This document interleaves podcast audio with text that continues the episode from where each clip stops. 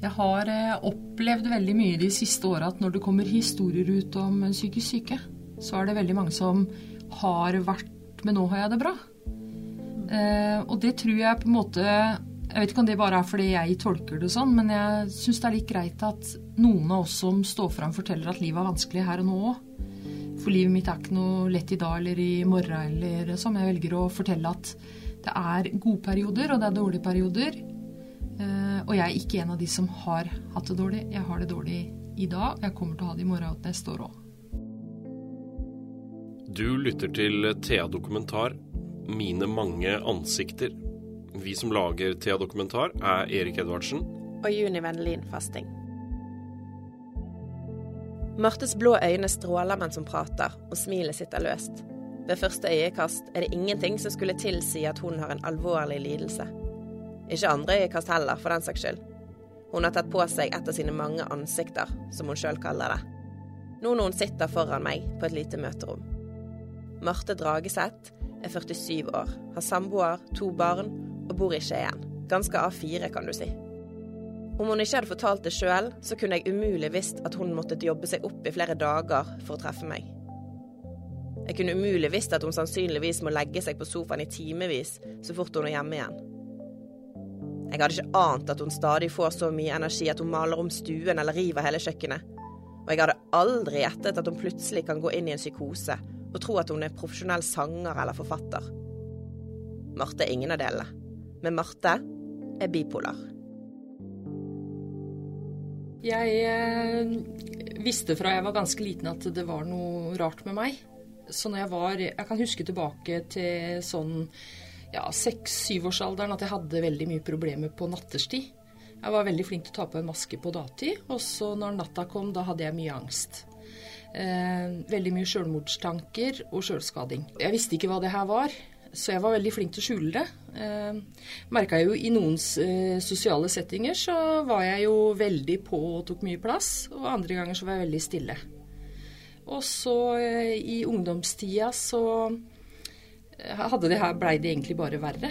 Jeg hadde veldig mye angst. Eh, veldig mye sjølskading da òg. Og så utvikla jeg veldig mye tvangstanker og en spiseforstyrrelse, for det var liksom det jeg klarte å kontrollere. Jeg klarte, jeg klarte ikke helt å kontrollere livet mitt, for det var så opp og ned. Så det, med det klarte jeg å kontrollere. Så hadde jeg det også veldig mye sånn i eh, Når jeg var barn, at jeg trodde Eller jeg visste det var noe gærent med meg. Hva var det du følte på som gjorde at du tenkte det? Jeg passa aldri inn. Så eh, jeg husker jeg var, veldig, jeg var veldig redd for at de rundt meg skulle oppdage det var noe gærent med meg. Jeg trodde at eh, jeg ikke hørte til i familien min. At jeg måtte være adoptert eller et eller annet. Så jeg var veldig redd for å si fra. For da tenkte jeg at da, da vil ikke familien min ha meg. Så det var jeg veldig mye redd for. Og jeg var veldig mye redd for at det plutselig skulle ringe på, på døra, og så skulle min ektefamilie stå der, og de var jo like like, like gæren som meg. Det var det jeg følte. Ehm, så det der med å vite at noe var gærent, men ikke hva det var, har prega veldig mye av mitt liv. Og sånn var det mye. Jeg hadde veldig mye angstanfall og sånn uh, i ungdomstida. Uh, og det, jeg skjønte jo liksom ikke helt hva det kom av. Jeg skjønte ikke hvorfor jeg innimellom på fest var den som tok mye oppmerksomhet og mye sånne andre ganger hadde jeg liksom bare lyst til å grave meg ned. Så uh, det var en turbulent eh, tid, og så pakka jeg det veldig pent inn, så ingen skulle se at sånn hadde jeg det. Og så hadde jeg jo ikke noe Jeg hadde ikke noe ord på noen ting. Jeg visste jo ikke hva det var. Jeg bare visste at sånn som jeg har det, er det ikke normalt å ha det. Jeg trodde aldri noen rundt meg hadde det sånn. Når jeg lå og gråt på natta og drev med selvskading og utvikla de voldsomme tvangstankene, så, så, skjønte jeg at det her er jo ikke vanlig. De fleste mennesker de sover på natta, det gjør ikke jeg. Ja, For du sover ikke?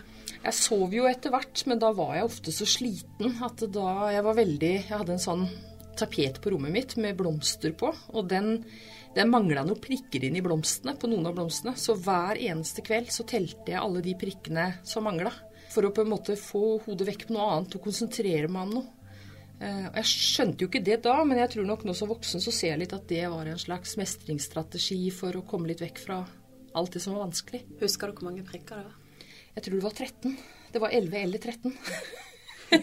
Så da lå du og roet deg ved å telle de på en måte? Ja, de var jo ikke der, de var borte. Ja, Men de de var som veldig eh, Ja, det var eh, Og så hadde jeg jeg hadde tegnestift jeg drev og stakk hardt inn i ermen for å liksom kjenne smerte, for å kjenne at jeg var til stede. Eh, og det var sånn som ikke var synlig for de rundt meg, så de visste jo ikke det her. For da ble det bare et lite sånn nålhull? liksom. Ja, det kom liksom aldri Den var så butt at den kom ikke gjennom huden. Så det var liksom mye Akkurat som om jeg liksom følte at smerte holdt meg, holdt meg i gang. Jeg mista ikke meg sjøl når jeg kjente smerte. Så da kjente du mye på smerte, da, kanskje? Jeg lagde mye smerte på meg sjøl, i hvert fall. For å komme vekk fra, fra de smertene som ikke er synlige. Altså de som er oppi hodet. Så Hvordan gjorde du det, det gjorde jeg Det vet jeg ikke helt, egentlig. Jeg, jeg bare vet at jeg påførte meg en del eh, En del tvangstanker og en del sånne ting. Og så var jeg veldig opptatt av den Jeg var veldig opptatt av at folk ikke skulle se at jeg var skada. For det var det jeg følte. Jeg følte det var noe gærent med meg. Jeg passa liksom ikke inn. Så jeg brukte nok hele dagen på å prøve å virke normal og prøve å virke som om jeg hadde det bra. Eh, og så kom det på en måte da på kvelden, og da da måtte jeg begynne med de, begynte jeg med den tellinga av de prikkene som ikke var der, og begynte med den tegnestiften og Hadde veldig mye jeg hadde veldig mye lyst til å dø. Jeg husker veldig sånn fra sånn seks-sjuårsalderen at jeg tenkte at jeg håper jeg ikke våkner opp i morgen. For da slipper jeg det her. Da slipper jeg å være og ha det vondt. Det er tidlig å begynne med det. Ja, det er tidlig, og jeg, jeg skjønner jo mer av det nå som voksen. At det var sånn. Jeg skjønte jo ikke det når, når jeg var barn. At det var så ille som det egentlig var. Men vet du på en måte altså, Var det tanker du fikk sjøl, eller hadde du på en måte sett altså, noen på TV snakke om liksom, død og sånn? Altså, for det er jo såpass ungt at Hvordan var det du på en måte klarte å, å tenke i det hele tatt komme dit i tankene? Jeg tror jeg bare var veldig sliten innimellom. Jeg tror det å skjønne at noe var gærent, og ikke, ikke klare å uttrykke det utad og prøve å være så flink hele tida, gjorde at jeg var så sliten på kvelden. Eh, og da eh, Når jeg var sliten, fikk jeg ofte angst. Og når jeg fikk angst, så fikk jeg det veldig vondt. Veldig mye stygge tanker eh, om at jeg ikke var bra nok, og at jeg ikke klarte noen ting, og at jeg ikke hørte til. Og da tror jeg på en måte det bare kom Jeg vet ikke helt, men jeg tror det kom bare som en respons på at jeg var sliten og ikke klarte å styre på en måte tanke, tankegangen min. Bare for å prøve å få litt mer grep rundt det du sier, at du føler at du, liksom, du var fra en annen familie, du passet ikke inn. Klarer du å forklare litt mer av, av den følelsen? Hvis det er mulig? Eh, Jeg kommer, fra en, jeg kommer fra en veldig bra familie. En eh, stabil A4-familie med to barn og to voksne i hus og arbeidende foreldre, og alt var veldig, var veldig bra. Og så hadde på en måte ikke jeg det bra. Eh, og så litt sånn banalt, men min, min familie er eh, De andre er mørke, mørkhåra. Og jeg helt, har bestandig vært helt blond som barn. Så jeg fikk vel liksom bare for meg at når det var noe gærent med meg, så kunne jeg ikke høre til de andre som var så bra. Så Fordi du hadde det vondt, og fordi du følte på angst og tvang og sånn? ja, at jeg skjønte det var noe gærent. Det var et eller annet med meg som ikke var, ikke var så bra. Og da måtte det være liksom Så jeg gikk liksom og venta på Ikke hele tida, det var jo ikke sånn at jeg hadde det med sånne tanker hele tida, men jeg gikk liksom og var redd for det der at, de, at de skulle se at de hadde liksom tatt, tatt meg til seg, da. Og så skulle de se at jeg ikke var så bra som det barnet de egentlig ville ha. Ehm, så jeg var så redd for det. Og de foreldrene mine har aldri gitt noe inntrykk av noe sånt. Eller jeg vet ikke hvor det kommer fra. Jeg vet ikke hvor et barn får sånne tanker. For det er jo egentlig, når jeg sitter og ser på det nå, så syns jeg jo det er helt vanvittig. At et barn kan tenke sånn. Men, eh, men jeg hadde det sånn. Åssen var det på skolen og sånn, da? Jeg var eh, Jeg var veldig stille på barneskolen. Veldig beskjeden. Eh, var jo litt sånn innimellom med midtpunkt og mye energi, og andre ganger ikke helt det. Så jeg hadde veldig Jeg har bestandig hatt veldig mye gode venner, men jeg har, jo- har nok også slitt litt med at jeg, jeg var så stille at jeg ikke klarte å ta plassen min. Eh, Jeg var litt sånn når vi reiste på ferie, så fikk jeg venner siste dagen. Jeg har en bror som er veldig veldig sosial, som jeg bestandig har sett veldig opp til. Og han fikk venner liksom før vi hadde kommet ut av bilen. Eh, og jeg var akkurat det motsatte. Jeg var liksom veldig stille og rolig og, og sånt noe. Men jeg hadde, jeg hadde en fin, eh, fin barndom. Det hadde jeg. hadde mye venner. Jeg har bestandig hatt venner. Så det hadde på en måte ikke noe med de rammene rundt deg å gjøre, det var noe inni deg som skjedde? Ja. Mm. jeg vet Det har ikke skjedd noe med meg som skulle tilsi at eh, jeg hadde det sånn som barn. Det skulle det ikke. Men du sier jo da at du var redd for å si det til noen. Hvor tid, eller hva skjedde videre? Eh, nei, det som skjedde var at når jeg, kom, når jeg ble ungdom og kom i ungdomstida, så, så var det mye festing og ute på byen, og da fikk jeg veldig mye eh, Når jeg drakk, så mista jeg liksom kontrollen på den der maska som jeg hadde. Så eh, det gikk jo ikke bestandig så veldig bra. Mange ganger som jeg ringte hjem til mamma og sa 'nå må du hente meg', og grein på telefonen og hadde mista tinga mine. Og... Så det blei nok mer synlig at det var noe som ikke var helt som det skulle. Ble du veldig full, eller var det bare at du ble Jeg blei veldig full, og så klarte jeg ikke å se at nå, nå kommer angst og, og det der. Og så hadde jeg, jeg hadde mye depresjoner, men det, det gikk jeg nok på en måte litt for meg sjøl. Jeg gjemte meg litt vekk. Jeg hadde det mye på natta, for da var det ingen som så meg, og så har jeg nok mye gått på rommet. Sånn som tenåringer gjør, det er ikke så unormalt, men jeg hadde mye problemer. Men du sier jo ikke angsten og sånn, for det er jo mange som får fylleangst dagen etter. Men begynte det for deg mens du fortsatt drakk, da? Ja. Eller? Ja. På kvelden når jeg drakk. Ja. Så eh, hyperventilerte jeg og ble helt Jeg blei veldig sjuk, rett og slett. Så eh, Og da var jeg nok litt sånn at jeg trodde det var litt mer normalt. For vi snakker mye om den der fylleangsten. Jeg bare fikk den på en måte på kvelden. Så den trodde jeg nok en periode at det, sånn kanskje det er andre enn meg som har det. Så, men jeg skjønte jo at det her er jo ikke, ikke helt normalt. Men du, da så jo venner rundt deg at det skjedde. Ja, det er nok flere enn jeg tror som har sett at det er ting. Det tror jeg nok. For dere snakket ikke om det. Eh, nei, og det ville nok ikke jeg heller. Eh, og det har jo vært litt sånn opp igjennom at sånt snakker man ikke om. Det er jo på en måte ikke synlig når man eh, smiler pent på datid. Så sånn er det bare. Da kommer man din og hentet deg, da? Når det var sånne situasjoner? Ja. Da kom sa hun bestandig. Sa hun noe? Jeg tror hun trodde jeg bare var veldig full. Så eh, det Nei, hun, hun bare støtta og var der for meg, på en måte. Uten at det blei så mye mer enn det. Hun gjorde nok det hun kunne for å prate med meg òg, men det, vi hadde nok ikke helt den kommunikasjonen som, eh, som fungerte. I og med at vi var jo litt på forskjellige planeter når hun ikke skjønte helt hva det var med meg. Og du skjønte det kanskje ikke helt sjøl heller? Nei, jeg gjorde jo ikke det. Jeg tror det tok mange år før jeg egentlig skjønte at det her, eh, her er det noe. Jeg har jo gått mye til psykolog opp igjennom, sånn fra eh, ungdomstida, og var jo sånn som eh, kontakta eh, helsestasjon på, på videregående og sånt noe, men jeg skjønte nok på en måte ikke hva som var grunnen til det. Det er veldig vanskelig når du blir spurt hvorfor du har det vanskelig og du ikke har noen traumer eller opplevelser, eller jeg har jo ikke hatt det. Eh, og da er det litt vanskelig å forklare hvorfor, da. Ting er sånn som det er. Og da tror jeg også den hjelpa er litt lenger unna. Så du oppsøkte hjelp fordi du følte du trengte hjelp, men du klarte ikke helt å forstå sjøl hvorfor, og da få den hjelpen du trengte? Er det Det stemmer. Det er sånn jeg tror, i hvert fall. Ja, men vi må Eller sånn jeg føler. ja. Så du, du, så du søkte lenge etter noen svar? ja, Ja. det gjorde jeg. Mm. Husker du liksom Sa de Altså, fikk du noe som helst type svar når du prøvde på den måten, eller var det liksom Jeg hadde ingenting for seg? Um Det var veldig mye snakk om hva har du opplevd som gjør at du sliter. Altså Når man har eh, angst eller depresjon eller eh, driver med selvskading, så er det veldig hva er grunnen.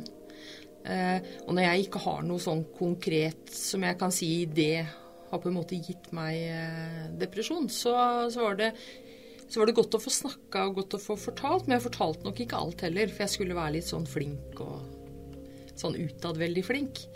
Eh, Så jeg hadde, jeg hadde effekt av det å prate med noen, men det er klart at jeg følte jo ikke at jeg ble forstått. Så Og jeg har Når jeg var russ, det er litt festlig. For da jeg var russ, så hadde vi i russeavisa skulle vi skrive sånn motto. Og da hadde jeg Det er ingen som forstår meg. Eller forstår meg ikke, eller noe sånt noe. Og det har jeg tenkt mye på som voksen, at eh, det er jo sånn jeg har følt det bestandig. At jeg står veldig aleine, og ingen rundt meg skjønner hvordan jeg har det. Så du har liksom skjønt det hele tiden, at det er noe? Noe har jeg, har jeg skjønt det er.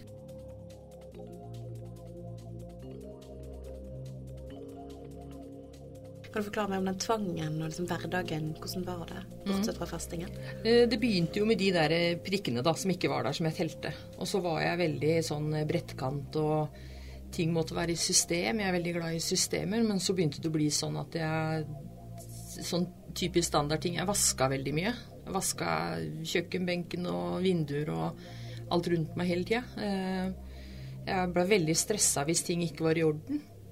Så jeg sånn, kan ikke ha forskjellig krus og glass på bordet og sånn kunne jeg ikke ha. Eh, når jeg skulle gå ut døra hjemme, så måtte jeg sjekke døra veldig mange ganger for å være sikker på at jeg hadde lukket.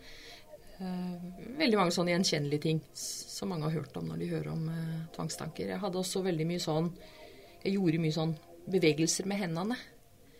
Eh, og med kroppen. Som jeg gjorde i sånn tall. Alt måtte gå i tall. Det måtte gå i tre, seks eller ni. Og hvis, når jeg hadde gjort det, så var jeg redd for at jeg hadde glemt det en gang, så jeg måtte gjøre det på nytt. Så hele livet mitt blei litt sånn. Jeg var veldig til å telle ting rundt meg. Og, og, så måtte jeg gjøre det på nytt og på nytt og på nytt. Og til slutt så tok det jo, det tok jo nesten helt over, så jeg skjønte sånn kan jeg jo ikke fortsette. Jeg kom meg nesten ikke ut døra hjemme, liksom. Fordi jeg var så opptatt av at uh, Tenk om jeg ikke har tatt på den dørklinka tre ganger. ja, For hva er det for noe? Hva er det du føler som kan skje, eller sånn hvis du ikke gjør det? Klarer du å forklare det? Det vet jeg ikke. Det skulle jeg gjerne visst, for jeg har en del av de tvangstankene ennå. Så det skulle gjerne vært en quick fix på hva gjør det. Det er jeg ikke sikker på. Det er Jeg blei bare veldig urolig og stressa hvis ikke jeg gjorde det. Mm. Ja, Så det er ikke sånn at du tenker 'Å nei, men hvis jeg ikke gjør det, så dør den', eller da får jeg noe i hodet, eller liksom. Det er bare en sånn indre uro mm. i det. Ja. For meg er det det. Mm. Ja. Det blei bare en sånn kontrollbehov, på en måte, at jeg måtte gjøre det. Mm. Hvilken alder er vi snakker om her? Eh, nå snakker vi nok om eh, sånn 15 til 18, tenker jeg. Mm. Det fortsatte de kontrollbehova litt lenger, men det var verst på den perioden der sånn. Da burde du vel gjerne fortsatt hjemme? Ja. ja. Merket de denne tellingen og disse tvangstingene? Det vet jeg ikke, det tror jeg ikke. Jeg tror bare at jeg virka innimellom veldig ryddig. Jeg har det jo ikke på alt, så jeg jo, var jo tenåring jeg òg, med rot og rotete rom og alt mulig. Men jeg hadde, okay. det, jeg hadde det på noen ting. Eh, og så har jeg Mammaen min har bestandig hatt butikk, så jeg jobba i butikken hennes. Og det var jo kjekt med meg på jobb, for jeg var jo veldig til å sette alle tinga rette veien. Og mm. med likt mellomrom, og det var bestandig veldig ryddig rundt meg. Og det er jo ikke noe negativt. Nei, det er jo helt perfekt, det er i butikk. så det tror jeg Det kan hende de har ant noe. Men jeg tror ikke de visste at jeg var så plaga av det. Det tror jeg ikke. Jeg husker faktisk når jeg skjønte jeg måtte bryte det, for da vi hadde psykologi som valgfag på, på videregående, og så var, hadde de tok opp det der med tvangstanker, og så sier han læreren at ja, forteller at noen teller alt og sånn, og så sier jeg det er meg, sier jeg litt sånn høyt. Og så eh, begynte de å spørre hva har du telt. Jeg bare jeg har telt vinduer, takplater og begynte sånn. Og så sier han som satt foran meg, hadde på seg en sånn stripete strikkegenser. Og så sier han som spøk mange striper er det på genseren min? Og det visste jeg jo. Jeg visste mange røde det var, jeg visste mange blå det var. Og da tenkte jeg det her er jo her er jo faktisk ikke normalt. Å sitte og ha full kontroll på alt som kan telles i hele, hele klasserommet. Så eh, jeg skjønte litt sånn av meg sjøl etter hvert at jeg må begynne å bryte mønstre. Jeg kan godt beholde noe av det, men kan ikke, det kan ikke være sånn at det tar styringa i hele livet mitt. Jeg skrev jo alle notater på nytt igjen gang på gang, for i tilfelle jeg ikke hadde skrevet bra nok eller ikke fått det rett. Så det, det brukte veldig mye tid, tid det her. Mm. Men hvordan klarte du å snu det? Det var eh, eksponeringsterapi. Som jeg, ikke den, jeg visste ikke den gangen. Ja, For på egen hånd? På egen hånd. Jeg visste ikke det var det jeg holdt på med. Jeg visste bare at jeg må når jeg reiser hjemmefra, ikke ta på dørklinka mer enn to ganger. Og så må jeg bare stå i det. Så eh, Ja, for du skulle egentlig ta tre? Jeg skulle ta tre, ja. eller seks, eller ni. Selvfølgelig. Mm. Så eh, jeg måtte bryte det der, og det Jeg begynte på en måte med sånne småting. Begynte å sette koppen litt feil vei i skap og litt sånt noe, og så etter hvert så løsna det litt. Grann. Jeg fant ut at det var ikke så krise. Det var ikke så krise å ha tatt i dørklinka to ganger. Jeg kom meg liksom på jobb eller på skole eller sånn allikevel. Og livet gikk videre. Så Men hvor lenge satt den følelsen i da når du visste at 'å, jeg tok bare to ganger'? Kjente du det på et ubehag en stund, eller? Husker ja, den kjenner jeg nå. Ja. Den er ikke vekk. Ok. Jeg har veldig lyst ennå. Ja. Så, så den forsvinner ikke. Den tror jeg, jeg tror jeg bare må leve med det. Jeg har valgt noen, noen ting jeg fortsetter å, å, eh, å ha kontroll på, og så har jeg valgt andre ting som jeg bare må la få lov å være rot. I mitt hode, da. Det jeg mener er rot. Hvilke ting er det du tenker at du Eller hvilke er det du lar deg sjøl få lov til å fortsette å holde på, da? Eh, kopper i skapet må stå med hank riktig vei. Ok, Hva er, hva er riktig vei? Det er eh, Nei, det er ikke så nøye, bare alle står riktig vei. Samme vei? Samme vei, Ja, i system. system. Ja. Eh, og så har alt Det meste hos oss i hvert fall har en, et, et fast sted å bo. Jeg har system i kjøleskapet, oppvaskmaskin og eh, I skuffene mine det kan være rotet oppi der, men alt skal være på et fast sted. ja. Så, og det er jo praktisk, for vi finner jo, jeg finner jo alt jeg skal ha. For, så der har jeg liksom beholdt det på en del sånne ting, og så andre ting må jeg bare leve med at det er helt greit om ikke alt er så strøkent rundt meg. Hvordan har du klart å velge hvilke ting du skal beholde, og hvilke som du må lage gå? Jeg tror det kommer litt eh, av seg sjøl når man har familie. At Ja. noen ting kan de leve med, andre ting kan de ikke leve med. Eh, og det å sette ting eh, praktisk i oppvaskmaskina, det fungerer for familien vår. Det er mye lettere å ta ut, så det har de liksom godtatt at det er greit. Det funker. Mm. Også andre ting eh, må jeg bare Jeg kan ikke bruke så lang tid på å komme ut døra, f.eks., for, eksempel, for da kommer vi oss jo aldri noe sted. så det løser seg litt av seg sjøl, det der. Skjønner. Så da begynte du å liksom eksponere deg for dette ubehaget ved å ikke alltid gjøre alle de tingene som du egentlig var veldig avhengig av å få gjort. Ja, og så hadde jeg Det skal være sagt, og midt oppi det her så hadde jeg en eh, Jeg hadde en sånn at jeg var litt lei av meg sjøl. Jeg tenkte at nå jeg er lei av å være hun stille som ikke, ikke prater, ikke tar plass, og ikke Ikke prater med noen første dag på ferie. Så jeg hadde Jeg bestemte meg for rundt den tida sånn jeg begynte på videregående, at eh, da, nå kan jeg begynne på nytt. Nå kan jeg være en annen Marte. For der er det mange som ikke kjenner meg.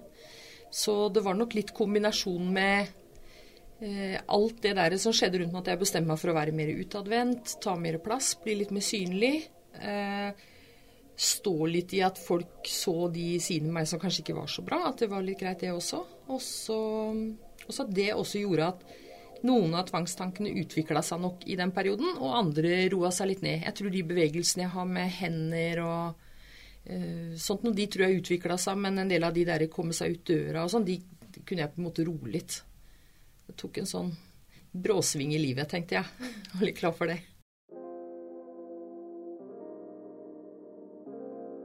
Men kan du forklare dette med hendene? Hva er det du gjør med, med Jeg strekker ut fingrene. Ja. Det er veldig vanskelig å forklare når ikke jeg kan vise det. Men jeg strekker de på en måte ut, Ja. og så gjør jeg det et visst antall ganger. Ja, så liksom inn og ut. Nå viser jo jeg Ja. òg. Jeg kjente at jeg måtte bevege med en gang jeg snakket om det. Men du, du sprer fingrene og strekker de ut, og så knytter de sammen igjen. Ja. Og inn og ut. Akkurat sånn som du lager sånn blinklys med fingrene. Ja, måte. nesten. Det var Ja. veldig bra forklart. Den skal jeg stjele. Når jeg forklarer det til noen. Altså det har du liksom, Men er det i noen visse situasjoner, eller er det liksom bare tilfeldige ganger i løpet av dagen? Å si, eller? Det vet jeg ikke. Nei. Det- kanskje når jeg er litt uh, stressa, eller Jeg vet ikke. Jeg tror kanskje jeg gjør det egentlig ubevisst. Mm. Det litt vanskelig å si. Ja. Men det er ikke noe som plager deg at du må gjøre det, på en måte? Nei da, det går greit. Det bare gjør seg, på en måte.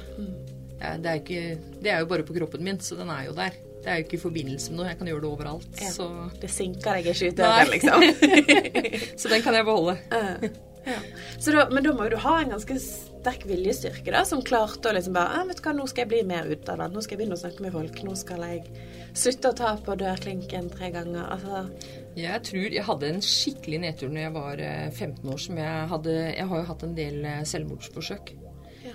Eh, og da hadde jeg det første. hvor jeg var bare hadde- Ja, når jeg bare hadde, da ville jeg bare dø. Eh, så det var en eller annen sånn stemme i bakhodet som sa at det her, det her vil du ikke.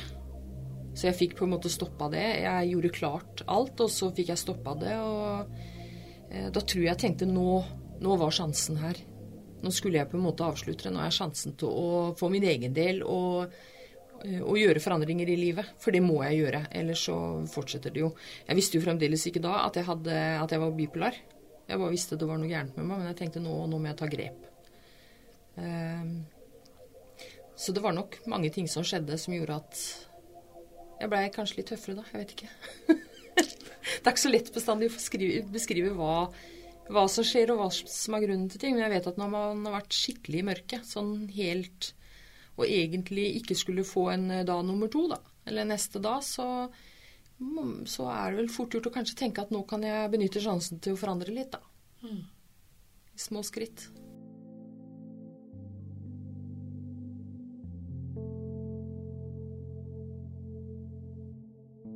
Men åssen gikk dette videre? Hvordan fikk du vite at det faktisk er snakk om en diagnose?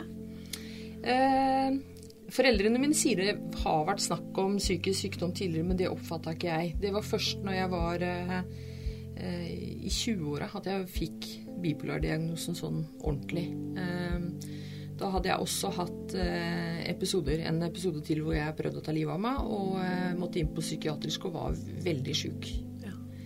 Og da eh, ja, Så da var du innlagt en periode? Var innlagt en periode. Jeg husker ikke om det da kom før eller etter, eller når de på en måte Jeg har litt problemer med å huske når det ble snakk om den. Mm. Eh, men eh, da Da ble det snakk om den bipolare diagnosen hos en psykiater. Bipolar lidelse er en psykisk lidelse som gjør at humøret ditt og aktivitetsnivået ditt svinger mer enn hva andre mennesker opplever. Bipolar betyr to poler, og disse to polene står for mani, hypomani og depresjon. Altså oppstemthet og nedstemthet. Når jeg fikk den diagnosen og han forklarte det, så det var som julaften. Jeg tenkte det er ikke noe gærent med meg. Det er, jeg har en sykdom jeg ikke kan noe for.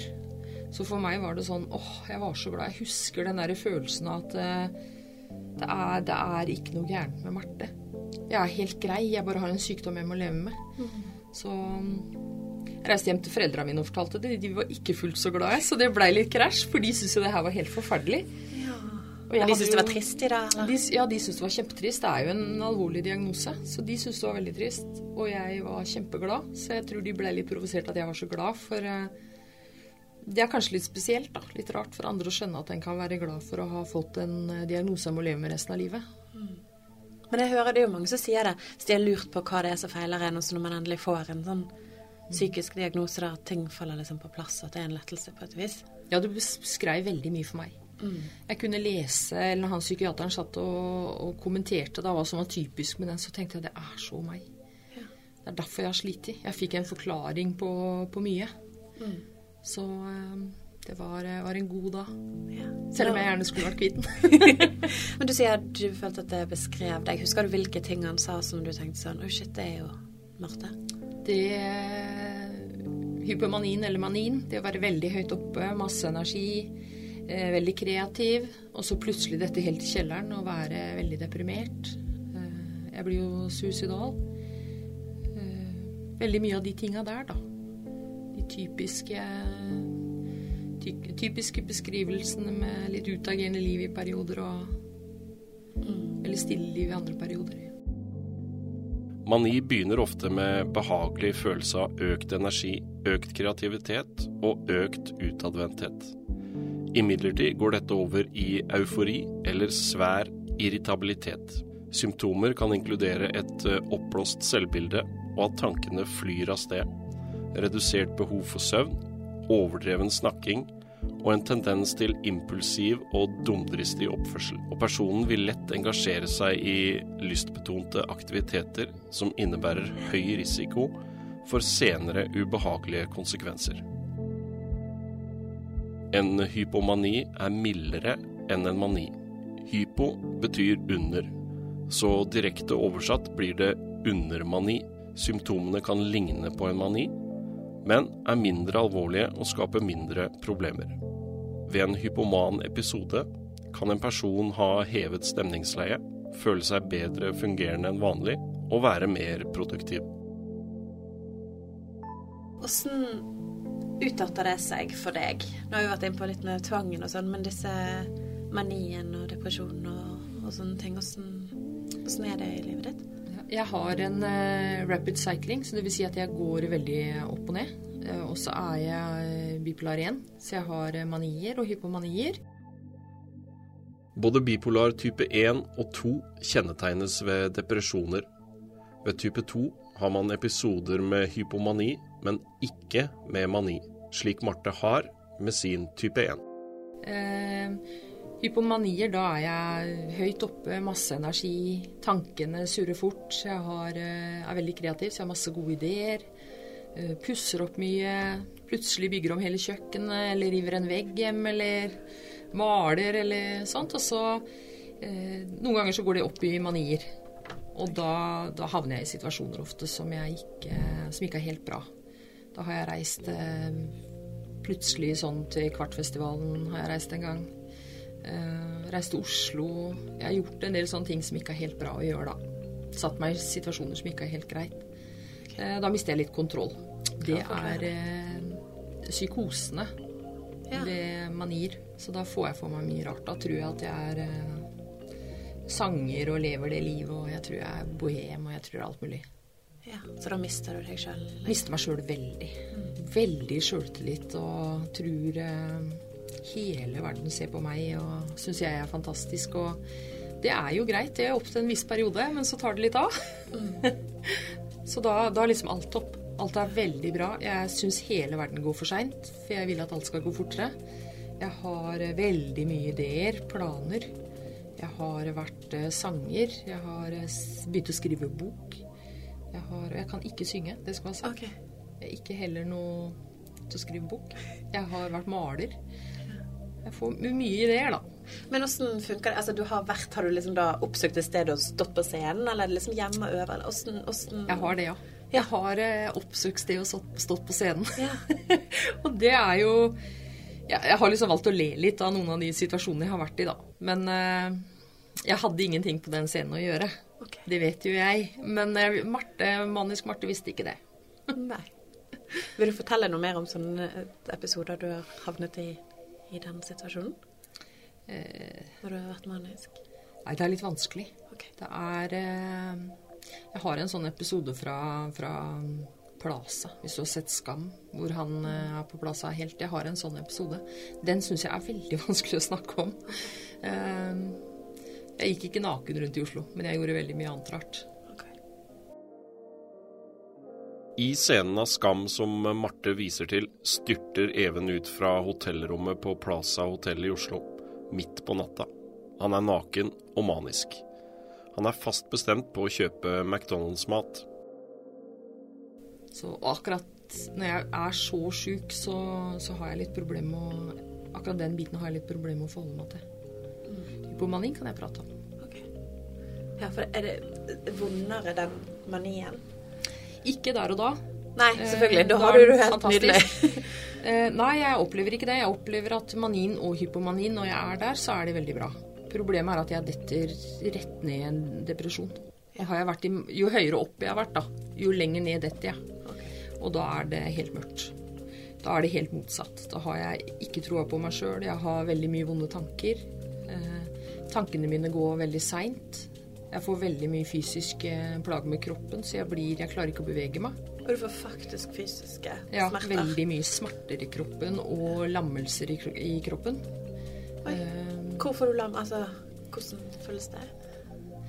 Nei, det, jeg, Tankene mine går så seint at jeg har nok med å bare være til stede, på en måte. Det er helt, helt mørkt. Eh, jeg har prøvd å beskrive det for noen, for det er jo det er jo skalaen fra øverst til nederst her. sånn. Når jeg er nederst, så har jeg beskrevet det for noen venner at det er som om du, en, du ligger oppi en eh, kasse, og så ser du på en måte lyset altså Når du tar ned lokket seint, så forsvinner mer og mer. Sånn føles det. Det føles som om livet mitt er det lyset.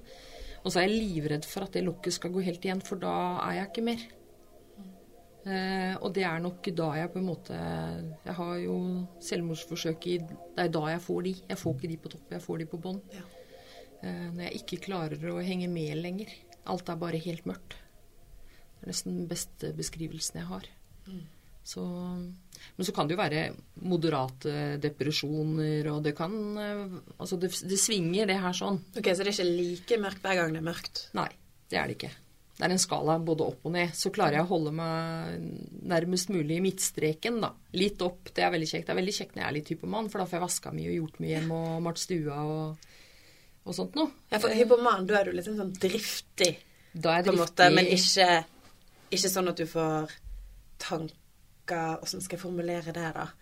Men ikke sånn at du er driftig på et urealistisk vis, på en måte? Men Jo, mer det sånn tror jeg jeg er. Å, ja, du er det òg? Ja, det tror jeg. Jeg tror eh, jeg får eh, Jeg tror jeg kan klare alt. Ja. Så jeg er nok det. Så det er jo det jeg på en måte jobber mye med. Det er å holde den hypomanien At den ikke går for høyt opp, da. Okay. At jeg fremdeles har litt, eh, litt kontakt med hva jeg faktisk får til og ikke. For jeg blir jo litt sånn tror jeg kan få til alt. Ja. Så eh, det er eh, En får ikke plutselig for seg at nå trenger dattera større rom, så nå river vi en vegg. Og det får jeg jo til. Men så stopper det jo litt sånn med tankegangen på at det må jo bygges opp igjen, det rommet. ja. Så dattera mi levde liksom i et år med da en rivd vegg med to forskjellige rom som bare var satt sammen. Hun var veldig fornøyd, men eh, jeg ser ikke helt konsekvensen at det rommet må faktisk pusses, pusses opp igjen også. Nei, ikke sant. Mm. Så det er litt kaos innimellom. Ja. Og så kan jeg jo bli sånn som eh, Jeg får, får for meg at jeg skal bake kaker, f.eks. Så det er mange ganger familien min har kommet hjem hvor jeg ikke har lagd middag, men eh, de kommer hjem til tre kaker på bordet. For det får jeg for meg at det er veldig lurt. Så det er klart at Og det er jo ikke noe, det er ikke noe krise for de rundt meg. Nei, nei. Manien er krise. Og går jeg for langt opp på hypomanien, da, hvis ikke jeg roer det her litt, så, så forsvinner den lenger og lenger oppover. Så jeg må ha litt, sånn, litt sånn kontakt med virkeligheten. Hvordan klarer du å holde den, da? Jeg har en del regler for meg sjøl. At når jeg vasker f.eks., så kan jeg ikke vaske mer enn i, i tre kvarter. Så må jeg sette meg ned. Så jeg ser mye på Netflix og strikker, for da må jeg konsentrere meg om det. Og så kan jeg vaske i tre kvarter eh, igjen. Ok, Så du har sånn skoleteam med Ja, Ja. egentlig. Og så har jeg sammen jeg pusser opp. Jeg pusser opp en del, for det er, det er også en mestringsstrategi for å komme meg opp fra en depresjon, da. Men da har jeg også regel på at jeg kan ikke sette i gang med mer enn ett rom av gangen. Og så må jeg på en måte ha Jeg må ha en plan. Eh, og da, det er ikke bestandig jeg har det. Da bygger jeg om kjøkkenet eller river en vegg. Men stort sett da så har jeg liksom lagt planene, og så begynner jeg med noen småting, da. Ok. Så, men det er, det er nyanser der. Ja. Så jeg må liksom prøve å holde det litt nede, og det Jeg kan ikke Jeg kan på en måte begynne å vaske ned hele huset. Det hadde jeg jo fått. Jeg hadde fått til å stå og vaske til alt var tatt. Jeg er sånn som når jeg blir hypoman, så vasker jeg med tannbørste. Ja, vi er på detaljnivå. liksom. Veldig når jeg blir sjuk. Ja. Så jeg må på en måte holde igjen det der og se at nå, nå er det på vei til å ta over. Mm. Det er ingen som trenger å vaske et bad i fem timer. Det er ikke eller en do eller et eh, Det er ikke normalt. Så derfor så er jeg veldig sånn på de der eh, tre kvartera. Prøver å holde meg til det. For det er en av veldig mye energi. Av og til kunne jeg ønske at dere andre kunne oppleve det litt. For det å ha så mye energi og så mye overskudd og lite behov for søvn, det føles veldig godt. Eh, Akkurat det høres jo veldig deilig ut. Veldig deilig. Det er, er jo ikke bra, for det er jo en sykdom der. Men eh, da har jeg det bra. Da er alt topp.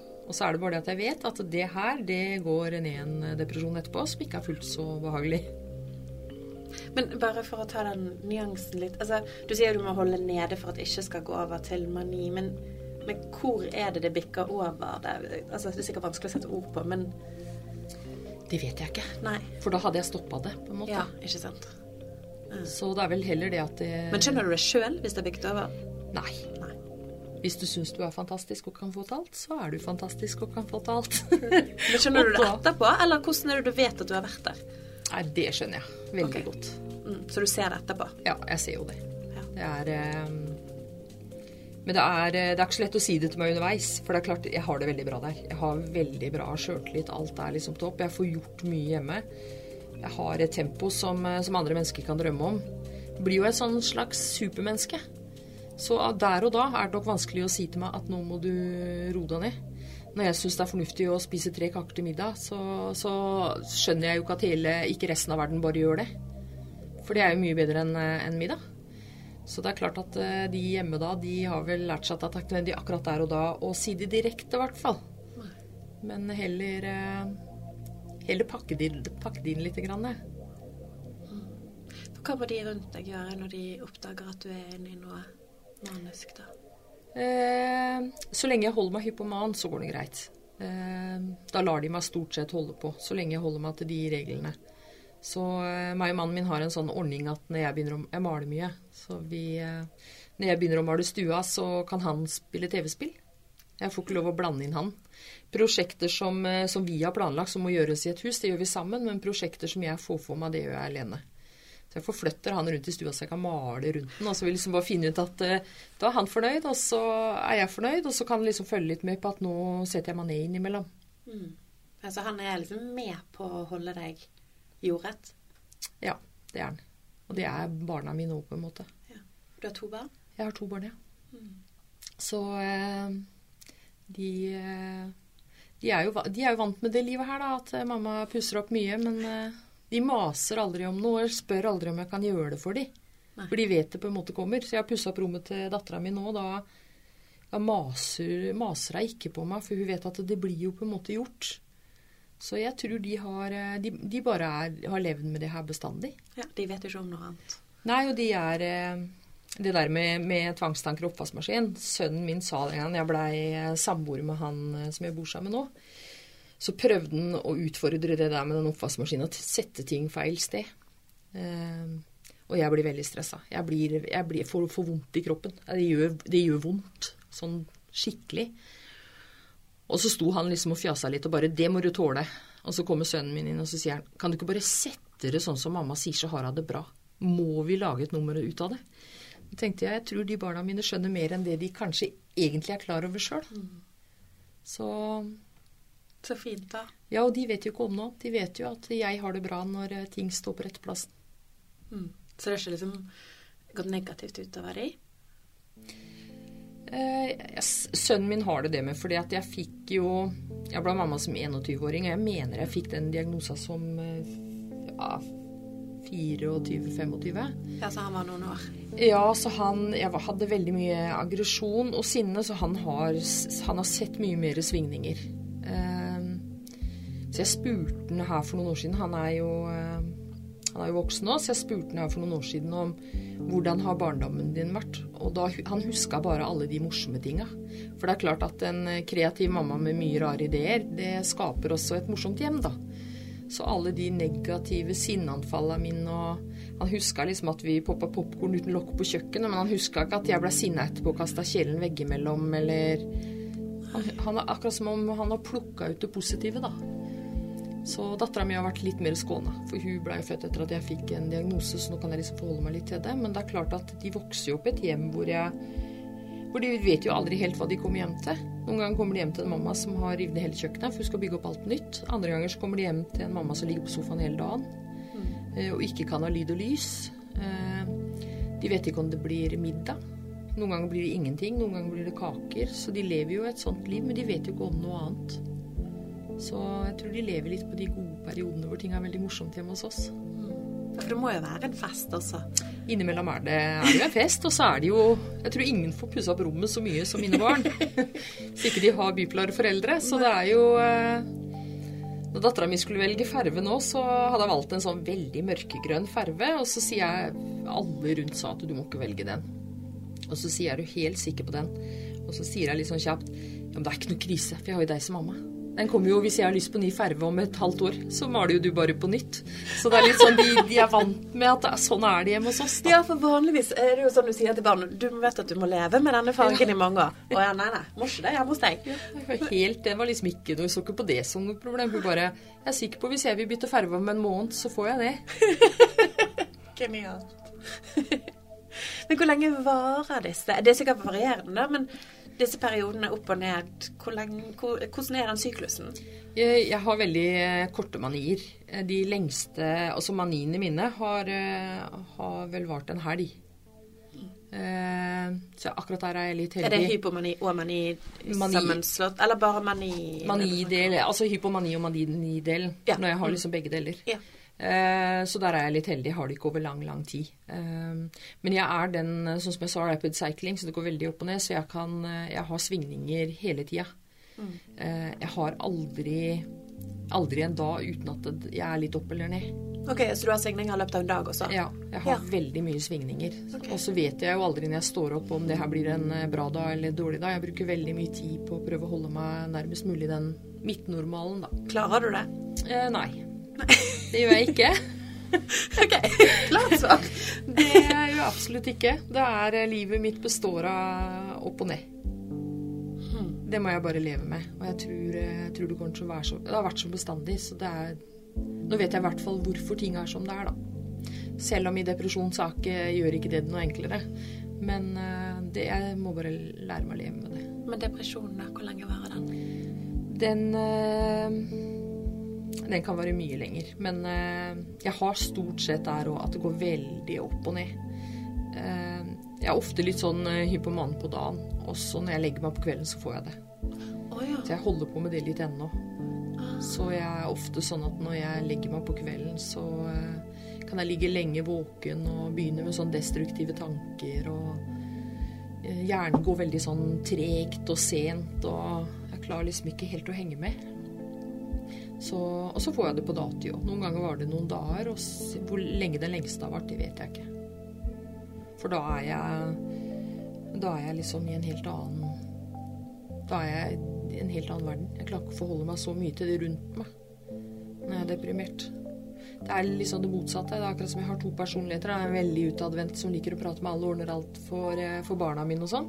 Og for vennene mine til den eh, deprimerte som har nok med å komme gjennom neste minutt eller neste sekund eller Som ikke vet hvordan jeg skal klare å gjøre noe hjemme eller fungere eller hvordan er det å leve med den usikkerheten på hvordan den neste dagen blir? Eh, det er veldig tungt når jeg har planer. For jeg vet jo ikke bestandig om, eh, om jeg kan være med på det. Eh, og Det er jo litt sånn jeg er vant med at det er. Men på en annen måte så er det vel den delen jeg gjerne skulle vært kvitt. Kunne jeg slått av en bryter nå, så hadde jeg gjort det. For jeg syns det er veldig slitsomt. Det er eh, Jeg har en sånn taktikk med, med, på morgenen på å se hvor jeg er i systemet, for jeg har eh, Sjølbildet mitt er veldig prega av hvor jeg er. Så jeg er litt sånn Når jeg er eh, oppe og ser meg sjøl i speilet, så ser jeg en modell. Jeg ser en tynn, flott modell. Veldig pen. Når jeg er normalt, så ser jeg det alle andre ser. Jeg ser at ja, jeg er litt sliten i dag, men, men, men. Det her går greit. men når jeg er nede, da ser jeg en helt annen enn meg sjøl. Da er jeg stygg, jeg er tjukk, jeg er alle de negative tinga. Og det er, så jeg har noen sånne ting jeg liksom kan gjøre for å se hvor jeg er, for jeg klarer ikke bestandig å oppfatte helt hvor jeg er på vei hen. Altså du ser deg i speilet? Jeg ser meg ofte i speilet for å se Jeg har hatt sånne opplevelser hvor jeg Jeg husker jeg var sånn 15-16 år, så var jeg med noen venninner på downtown, og så gikk vi mot et speil, og så så jeg en person. Jeg så, liksom, jeg så ikke et speil, jeg så en person, og så tenkte jeg at det der er det styggeste mennesket jeg har sett noen gang. Og jeg er ikke sånn. Jeg syns ikke sånn om andre mennesker, så det er litt rart at jeg blei sånn. Og så når jeg hadde gått litt lenger, så skjønte jeg det her er et speil. Jeg, jeg går og ser på meg sjøl. Så den her har jeg liksom hatt i mange år uten å helt Så jeg kan være liksom hun på fest som har veldig trua på meg sjøl og syns alt er topper. Så kan jeg også være hun som sitter veldig stille og føler at den oppmerksomheten jeg får, ikke er fordi, det er, uh, fordi det er positivt. Da. Mm. Det høres jo slitsomt ut med de valgene. Ja, det er veldig slitsomt. Derfor er jeg mye sliten. Mm. Så jeg blir ofte litt sånn uh, hypoman. Sånn som i dag, så jeg, bruker jeg veldig mye tid på å gire meg opp til å komme her og prate med deg og ha det koselig. Og, jeg tar på den maska. Uh, så jeg viser deg på en måte det jeg ønsker ut av Og så når jeg kommer hjem nå, så enten så får jeg på en måte noen timer på sofaen når jeg kommer hjem, eller så får jeg det til natta. Og sånn er på en måte livet, at jeg må hele tida For da går du ned? Da går jeg veldig ned. Og da begynner jeg å lure på om jeg har sagt noe gærent til deg. Om, eh, For da går du gjennom alt og gransker? Ja, og da er jeg veldig sjølkritisk. Da sitter jeg og tenker på hva du mener om meg. Eh, og hva alle som lytter på det her, kommer til å mene om meg.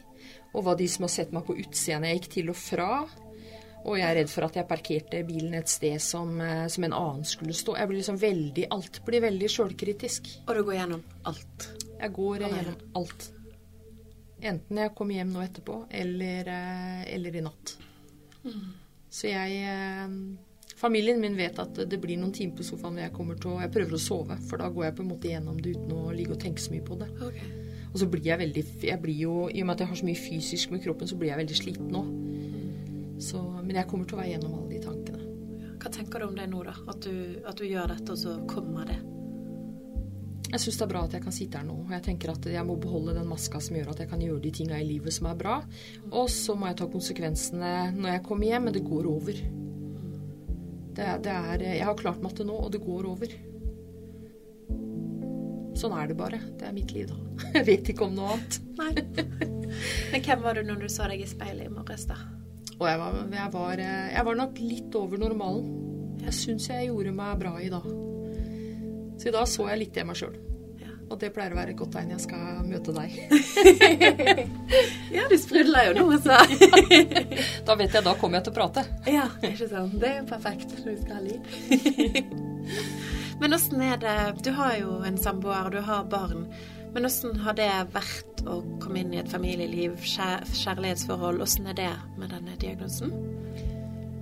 Eh, det er eh, De er på en måte limet mitt, da. For hjemme kan jeg være, være som jeg er.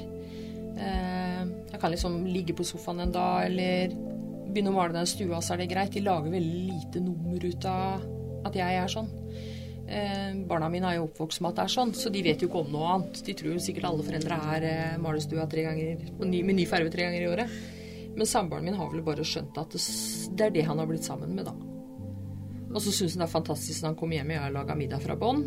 Det er veldig sjelden, men eh, han har liksom belært seg at han sender melding og spør om det blir middag i dag. Ja, så det kan man gjøre. Du, du kan svare, klare på å svare på det på en måte på forhånd. Ja, da kan jeg, Hvis han sender når han er på vei hjem, så, så vet han om han må innom butikken eller ikke. Noen dager så vet han at eh, Sånn som jeg har vært her i dag, så vet han at nå, i dag blir det ikke middag. Nei. I dag har ikke jeg overskudd til å tenke på det. Mm. Så da må han ordne det. Ja. Og så blir det ikke noe mer greier rundt det. Det er bare sånn vi fungerer, da. Det høres ut som du har funnet deg en som uh... Funnet meg en bra mann. Så jeg har en eh, flott familie. Så bra. Så godt å høre. Men du sa jo eh, litt eh, før vi skrudde på mikrofonene at det er jo litt van vanlig at man kanskje ikke snakker så mye om i samfunnet generelt. At du, det går ikke, jeg går ikke rundt og vet om mange som er bipolar.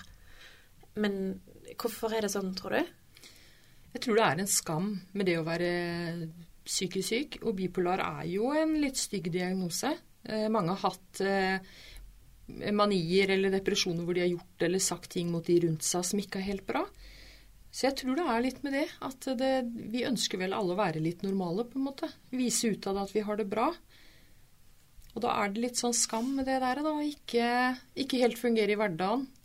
Eh, Jeg er jo ufør, og det òg er jo en sånn ting som folk helst ikke på en måte vil si. At ikke en klarer å fungere på jobb og, og sånn. Og så er det en For min del i hvert fall er det en veldig eh, ensom sykdom. Jeg har følt meg veldig mye alene hele livet mitt. Eh, Gjør det innimellom som voksen òg. Det var jo grunnen til at jeg valgte å bli frivillig. For jeg ønska å møte andre bipolare og føle jeg var en del av en gjeng, på en måte. da. Det var ja, andre nå- som meg Nå er du frivillig i, i Bipolarforeningen. i Porsgrunn. Ja, og det, det er veldig godt å komme inn dit og sitte med andre som Uansett hva jeg forteller av mine historier, så, så, så er de gjenkjennelig. Det er bestandig gjenkjennelig for noen. Så det der å, å ha et uh, fellesskap Fordi at jeg tror for, for deg eller for alle andre rundt, så er det vanskelig å skjønne hvordan det her egentlig er. Når du sitter i det der sånn, så tror jeg både for pårørende og for bipolare selv at det er veldig mye gjenkjennelig Det er sånn som gjør at en føler seg ikke ensom lenger. Er det mange som har den diagnosen? Altså Er dere mange i, i den i avdelingen i Porsgrunn? Det er 2 eksempel? av Norges befolkning som har det. Og hvis du begynner å tenke pårørende rundt her, og når du begynner å tenke venner og bekjente og naboer og sånn, for de lever jo på en måte litt i nærheten av de her òg, så er de fleste er på en eller annen måte berørt. Ikke sant? Og det vet man jo ikke. Jeg tror ikke folk vet det. Nei, jeg tror ikke du tenkte når jeg kom i dag, at der er hun bipolare Marte. Jeg tror du bare tenkte det. Å ja, der er hun. Ja, ja. Det syns jo ikke på oss. Hadde jeg ikke visst det, så hadde jeg ikke visst det, på en måte. Jeg tror jeg kunne sittet, eh, sitte lenge med deg. Absolutt. Mange som kunne sikkert jobba med deg i flere år uten at du hadde visst om det hvis ikke jeg fortalte det. Det er jo litt det der med, med, med det der at vi skjuler det litt, eller pakker det inn, eller hva en skal kalle det. Jeg er glad i å kalle det maska mi. At jeg tar på meg en sånn maske for å fungere utad. For jeg, jeg hadde jo ikke kommet hit i dag hvis jeg skulle vist deg alle de sidene jeg har prata om. Så jeg må på en måte jeg liker ikke å si 'ta meg sammen', da. Men jeg liker å si 'ta på en maske', og så komme meg ut og så eh, være som alle andre. Det er utrolig deilig. Møter du noen fordommer når du forteller det til folk, eller forteller du det ikke til folk? Eh, nei, jeg har, ikke, jeg har ikke møtt eh, fordommer, altså. Jeg tror på en måte De som kjenner meg godt, de har jo skjønt at eh, det er noe Jeg har bestandig vært litt opp og ned. Eh, Jeg tror ikke de har tenkt over at det var det det var, men at det, det var sånn jeg var som person. Jeg tror de får en forklaring, da, på at OK. Eh, Men jeg har nok vært heldig der med at jeg har ikke fått, fått noe. Kanskje jeg har fått noe som ikke jeg har, eh, har eh, tatt tema. Kanskje det er fordi at jeg liker å prate høyt og mye. At ikke de tør å si det temaet. det vet jeg ikke. Jeg tror ofte fordommer er kanskje noe vi sitter mye med sjøl òg. Ja, at du ikke du sier det direkte til Ja, at vi kanskje tolker ting folk sier. Hvis folk kommer med spørsmål, så tar jeg det som en positiv ting.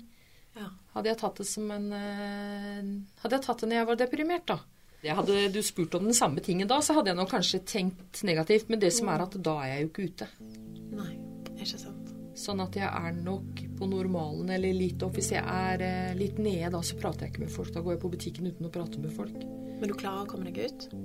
Eh, nei, ikke bestandig. Nei. Men det hender liksom Altså, du kan være litt nede og fortsatt gå ut, men hvis du er helt sånn lammet, så er du inne? Liksom. Da er jeg helt vekk. Ja. Da kan jeg ikke forholde meg til noe. Så jeg bruker mye av, av dagen min på å gjøre ting, da. Jeg bruker ofte mye tid på sofaen med å slappe av for å klare å gå og handle på butikken og sånt noe. Så eh, jeg tror veldig få rundt meg vet hvordan jeg egentlig Hvor mye jeg på en måte sliter for å klare å gjøre normale ting, da. Mm. Så, men det har jeg vel bevisst litt også, også eh, skjult. Og jeg er vel litt sånn som ikke orker å snakke om det her med alle folk hele tida. Eh, Jeg kan godt snakke om det bipolare som om jeg snakker om en annen person, men det å fortelle hvordan jeg har det, det er veldig sjelden at jeg egentlig orker å gå inn på. For jeg vil gjerne få den der positive energien når jeg er ute blant folk, og føle meg litt normal. ja. Det er jo veldig forståelig. Alle vil jo ha den positive energien. Ja. og da er det litt sånn at jeg kommer til deg og skulle begynne å fortelle hvordan jeg egentlig har det da, til deg. Ja. så blir det jo litt sånn åh, trist og Så jeg har egentlig lyst til bare å være her og være blid og prate om det som om jeg prater om en annen. Men klarer du å fortelle litt om hvordan du har det? Eh, nei, da er jeg Jeg har brukt flere dager på å komme meg litt opp. Jeg skulle hit i dag, så da er jeg litt eh, Litt over normalen. Ja, for det tar noen dager for deg. Du må liksom tenke noen dager i forveien at Jeg bruker ofte noen dager, ja. Hvor jeg må sl sl Jeg slapper av mye. Jeg har eh, Jeg tror ingen ser på Netflix mer enn meg. Jeg ser veldig mye på Netflix. Jeg er eh, strikker mye og gjør veldig mye sånn rolige aktiviteter. Og det er på en måte for å få den der energien til å For én ting er jo at når jeg er her, men jeg skal også takle det når For jeg vet jo det kommer en nedtur når jeg kommer hjem. Det hender at ikke de gjør det. Og da er det jo ikke noe problem. Men, men når den kommer, eller hvis den kommer, så må jeg være forberedt på den òg. Så eh, jeg tror når folk møter meg, så skjønner de ikke helt hvorfor jeg er 100% ufør. Det er jo problemet med ting som ikke er synlig. At de, eh, folk møter det de ser utad. Og så er det kanskje litt vanskelig å skjønne at jeg ikke kan stå i jobb, for jeg får til veldig mye når jeg er ute blant folk. Og så er det veldig mye sånn kommentarer på Ja, da sitter du vel i sofaen? Jeg er sånn Ja, jeg gjør det. Jeg gjør faktisk veldig mye det. Jeg, ser, jeg sitter mange timer om dagen i sofaen. Det, det, jeg tror ikke folk helt skjønner at grunnen til at vi sitter stille, er fordi vi ikke kan være i bevegelse hele tida. Eh, og det gjelder jo ikke bare psykisk sykdom, det gjelder jo mange andre sykdommer òg som ikke syns. Eh, og der kommer den maska inn igjen. At eh, er det noen som tar på den maska, så er det alle oss som har noe usynlig. Hadde vi på en måte hatt synlige ting med oss, så hadde vi sluppet det. Så har du fortsatt selvmordsforsøk? Nei, det har jeg ikke det? hatt på, eh, på flere år. Nei. Ehm, nå b- jobber jeg mye med å ikke komme så langt ned, og jeg har veldig mye avtaler med de rundt meg hvis jeg skal kjenne at det blir sånn.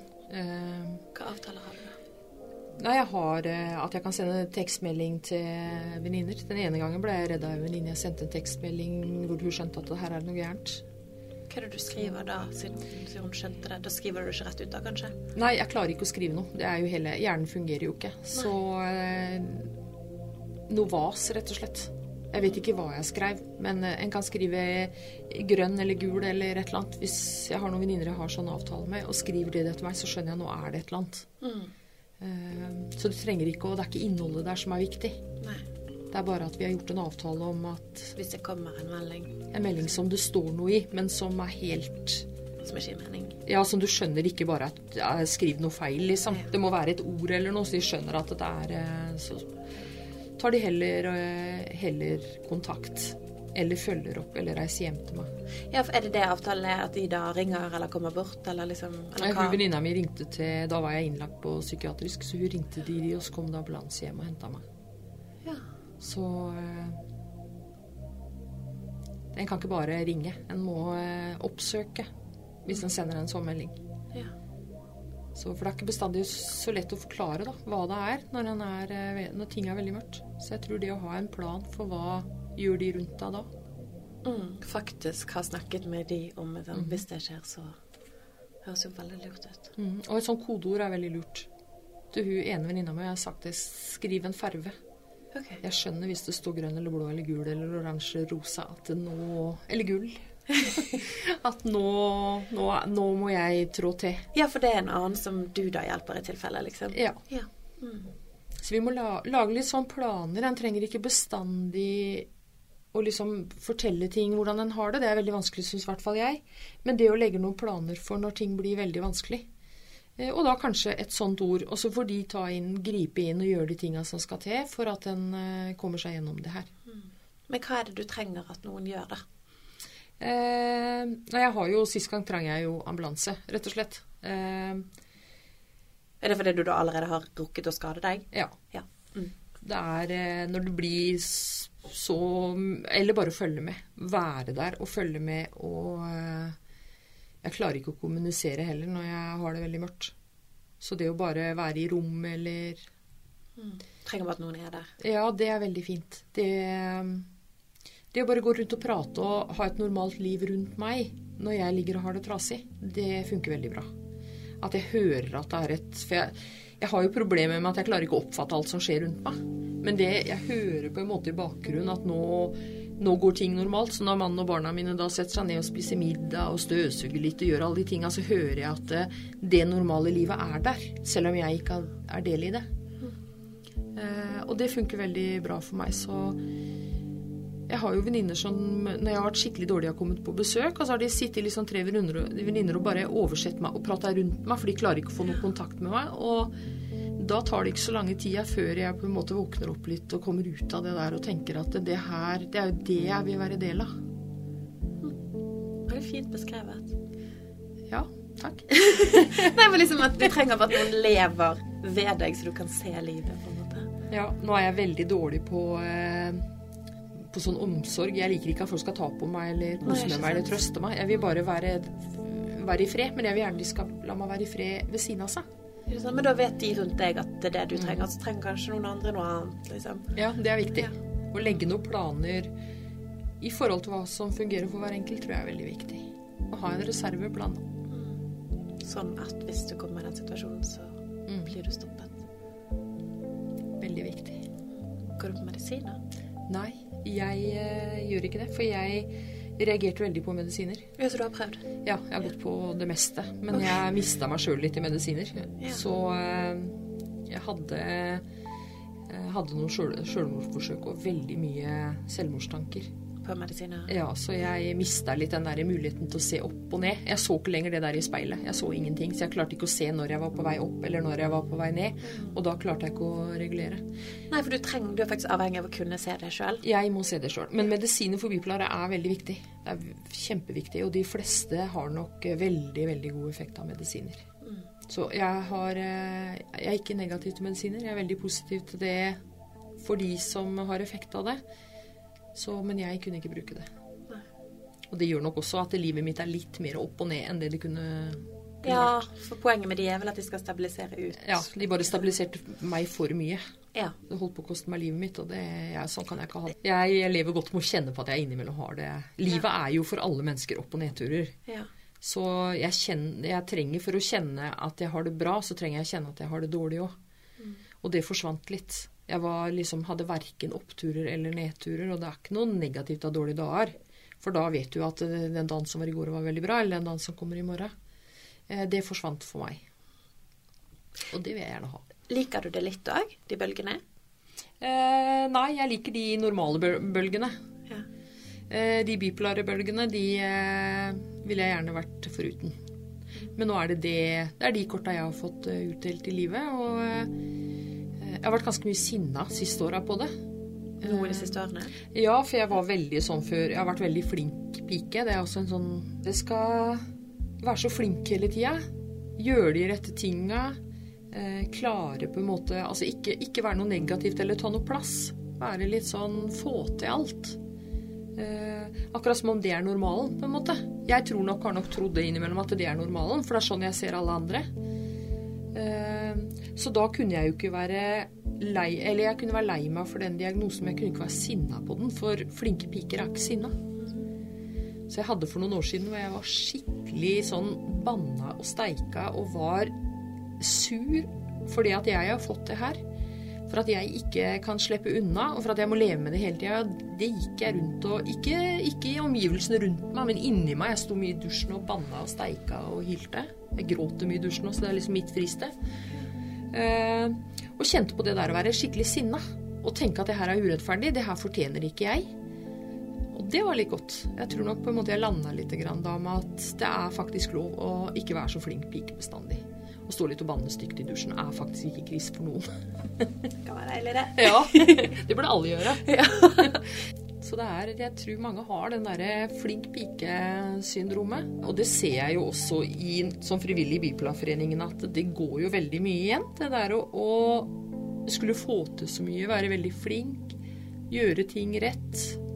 Og det er jo ikke så veldig lett, da. Det er ikke så veldig lett for alle, alle andre mennesker. Da er det i hvert fall ikke lett for oss. Hvor viktig er det å være en del av et fellesskap med andre? Å, det er utrolig viktig. Det er eh, Veldig mange bipolare har jo få, eller liten vennekrets. Har jo ofte trøblete forhold til familien sin. Eh, jeg har ikke det. Jeg har eh, veldig mange venner. Og veldig stabil, bra familie. Og likevel så føler jeg veldig mye på ensomhet. Eh, Jeg kan sitte med alle de gode venninnene mine og føle meg ensom, eller jeg kan være med familien min og føle meg ensom, fordi det er noe med meg de ikke klarer å skjønne. Eh, heldigvis. Hvis ikke så hadde de jo hatt det samme. Når du da kommer på en måte inn i et rom hvor Jeg, har- testa det litt ut i begynnelsen med å fortelle litt sånn historier som er litt sånn ting jeg har gjort, da. Og så er det liksom ingen som, som dømmer meg eller tenker noe. De bare de nikker gjenkjennende og tenker at 'åh, er du òg sånn?' Og så ler vi mye. Det er mye latter. Det er eh, På de åpne treffa, en gang i måneden, så, så er det vi. Og da skjønner på en måte, om ikke de skjønner hele meg, så skjønner de veldig mye mer enn alle andre skjønner. Og så syns ingen at jeg er rar der. Og det er deilig. Har man litt sånn galgenhumor på det, liksom? Når hvis du har trodd at du har vært så- sanger og havnet på en scene, så er det litt morsomt når du forteller det der? Ja, det, og det har nok litt med den derre Når vi sitter her, hvis du hadde fortalt det, da, så kjenner jeg meg igjen, og da er det veldig sånn åh, begynner jeg å le, ikke sant? For jeg tenker på hvordan det var. Det er veldig mye latter der. Det kan være litt gråt, men det er veldig mye latter. Veldig mye gode samtaler. Eh, og kanskje noe av det mest spesielle, at jeg lærer noe nytt nesten hver gang. Når noen forteller noe om eh, seg, så Jeg har jo opplevd at jeg har sittet der, og så har noen eh, fortalt om eh, ting med personligheten deres som kanskje ikke er så positivt. Og så sitter liksom fem stykker og nikker, og så tenker jeg, vet du hva, sånn er jeg. Og jeg trodde det var en sær side av- av Marte. Ja. Og så er det bipolar. Jeg kan putte det litt i den der bipolar-båsa og tenke at det er faktisk mange andre som er sånn. Og det er ikke at jeg er et dårlig menneske. Det er mye gjenkjennelse der. Og det har forfulgt meg i halvannet år. At hver gang jeg er på de Jeg kan være så sliten noen ganger når jeg er på de treffa. Eh, Jeg går bestandig ut derfra med mer energi og med et smil om munnen. Uansett om ting har vært tøft der eller ikke, så er det Så fantastisk. ja, det er helt rart. Håper flere kommer, og flere kan oppleve det, uansett om det er bipolar eller andre. Men det å være del av, av like, da. Er det for kun de med diagnose, eller for pårørende også? Det er for pårørende òg. Ja, okay. Vi eh, i Porsgrunn i hvert fall er veldig opptatt av å fortelle at pårørende er ikke bare nær familie. Pårørende kan være nabo eller venner eller Du er hjertelig velkommen. Alle som kjenner noen eller Alle som kjenner meg, kan godt komme. Mm. For da kjenner de jo en Da er de, da er de jo pårørende til en bipolar. Ja. Så så enkelt er det egentlig. Det er ikke noe sånn at det må være samboer eller mamma eller pappa eller søsken. Så, for det er så mange av oss ute i samfunnet at jeg håper egentlig flere kunne komme og møte oss. Og så er det jo fremdeles litt sånn stigma at folk tror jo at vi er på en spesiell måte, eller at vi ser ut som en spesiell måte. Og TV og media gjør at mange tror at når du har en alvorlig psykisk lidelse, for det heter det jo faktisk, at vi er litt farlig. Mm. Uh, og så kommer du inn dit, og så er det, det er helt normale folk der. De ser ut som uh, alle andre i samfunnet. Nesten litt skuffa noen ganger, men I hvert fall hvis en kommer dit og forventer noe sånt veldig greier. det får du ikke da. Det er mye humor det. Ja, og så er det lov å le av ting du kanskje ikke hadde ledd av ellers. Du kan le med oss, ikke om oss. Det er veldig fint. Åssen mm. er det å leve som Marte nå, da, når du er 47? Ja. Uh, jeg har, nok, jeg har det jo veldig mye bedre etter at jeg ble 100% ufør. Når var det? Det er eh, tre år siden, vel. Og er det ikke lenger siden det heller? Nei, jeg har vært eh, 70% ufør siden jeg var eh, 30. Okay. Så det har jeg vært i mange år. Men så til slutt så klarte jeg ikke For jeg er veldig flink pike der òg. Skulle være i jobb. Jeg, gjorde, jeg var jo nesten aldri borte fra jobb, og jeg møter jo på alt som, som er. Problemet er jo at jeg blir sjuk hjemme.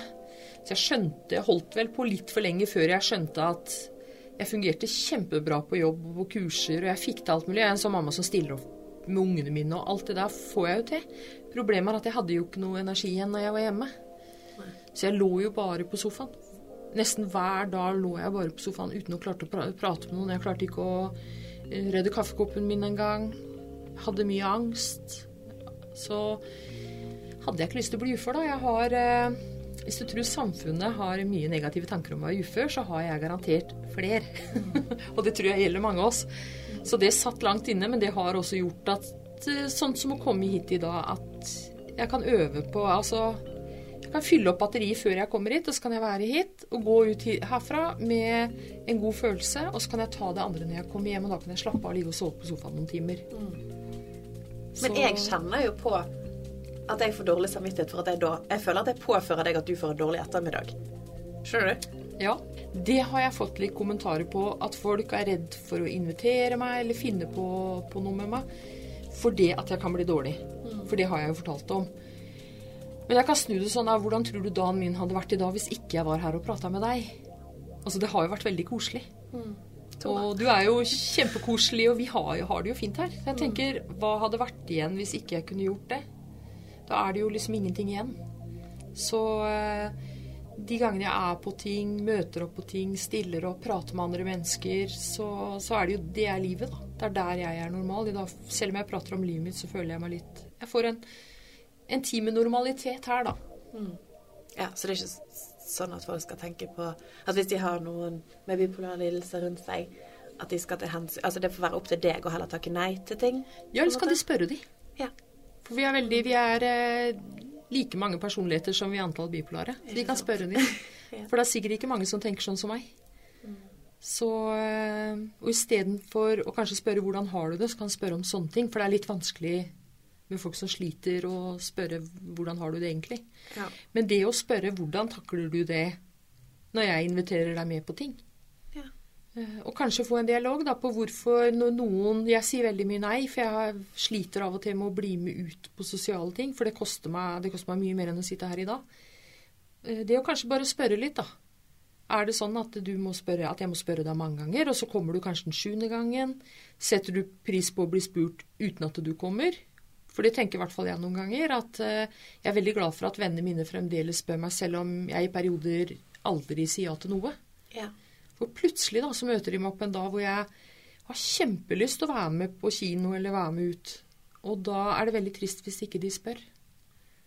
Så det å Folk trenger ikke å spørre om den psykisk sykdommen. De kan spørre om eh, konkrete ting rundt folk, tror jeg er litt lettere, da. Ja. Så jeg tror du, du må bare ta til deg at du kommer til å gi meg en god dag i dag. Så får jeg heller sove to timer på sofaen. Det går helt greit. Det gjør jeg garantert i morgen òg. Ja, Nei, livet mitt er, det er Jeg er mye dårlig. Jeg er mye sjuk. Eh, det er mye folk ikke ser og ikke kommer til å se. Eh, jeg lever med styggen på ryggen hele tida. Men eh, så velger jeg da å se det positive i ting. Så jeg har det egentlig veldig bra. Og jeg har vel nok slått meg til ro med at alle de tinga som ikke funker så bra, de må jeg legge litt vekk. Jeg må være i de når de er der, og så går de over. Og så får jeg heller leve på de positive, gode tinga. Jeg er litt opptatt av at folk der ute skal vite også at selv om sånn som jeg, da, som ser og virker ut som om jeg har det veldig bra, og så er det ikke bestandig sånn folk har det. En kan, eh, selv om en smiler utad og går på butikken og møter opp på alt som er på skolen, så, kan, eh, så er det en historie bak der. Og det, sånn som jeg sa tidligere, gjelder ikke bare psykisk syke. Det gjelder alle med skjulte problemer. Alvorlig eller mindre alvorlig. Så altså, alle har noe. Forteller du si, alle nye mennesker som kommer inn i livet ditt, om diagnosen din? Eh, ja, nå gjør jeg det. Det gjør jeg. Jeg har, eh, jeg har, valgt å være åpen, og da tenker jeg at folk ikke skal ha så mye spørsmål. Eh, og det er jo ikke sånn jeg kommer inn og sier hei, jeg heter Martha Bipolar. Det gjør jeg ikke. Men hvis det f.eks. blir snakk om jobb, og jeg sier jeg er ufør, så forklarer jeg hvorfor. Okay.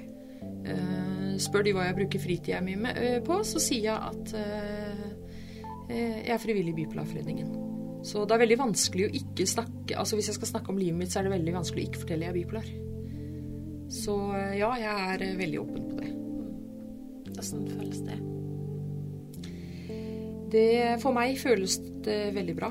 Eh, jeg har egentlig fått veldig mye positiv reaksjon på det, men eh, jeg brukte mange år på å bestemme meg for at jeg skal være åpen, for idet du har sagt det, så er det der ute. Og det er litt sånn Når jeg velger å sitte her og snakke med deg, og så blir det her lagt ut på en måte, så er det ute. Det, kommer, det forsvinner ikke. Og det skal man være klar over. At det har, har jo en konsekvens å fortelle ting åpent. For eh, jo mer ting eh, en deler, googler du navnet ditt da, så vil det jo på en måte dukke opp noe av det. Og da, da blir en bipolar, da. Mm. Og jeg tror ikke alle, er, eh, alle burde gjøre det. Derfor så gjør noen av oss det, og andre ikke. Det må være plass til alle. Mm. Så alle trenger ikke å rope høyt og vise seg fram. Men det er bra at noen gjør det, sånn at man kan ja. lære mer. Ja, da kan jeg ta den for noen, og så kan de gjøre andre ting for meg.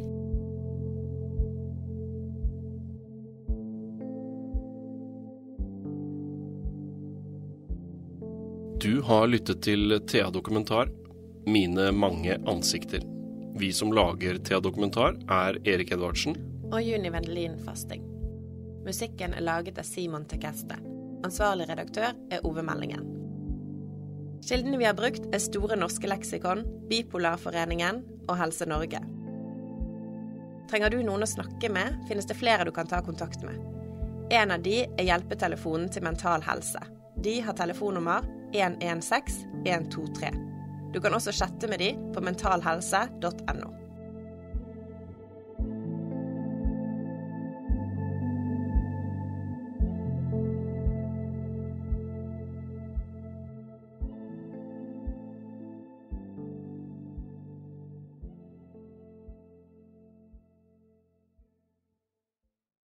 Har du et enkeltpersonforetak eller en liten bedrift? Da er du sikkert lei av å høre meg snakke om hvor enkelt det er med kvitteringer og bilag i fiken, så vi eh, gir oss her, vi. Fordi vi liker enkelt. Fiken superenkelt regnskap.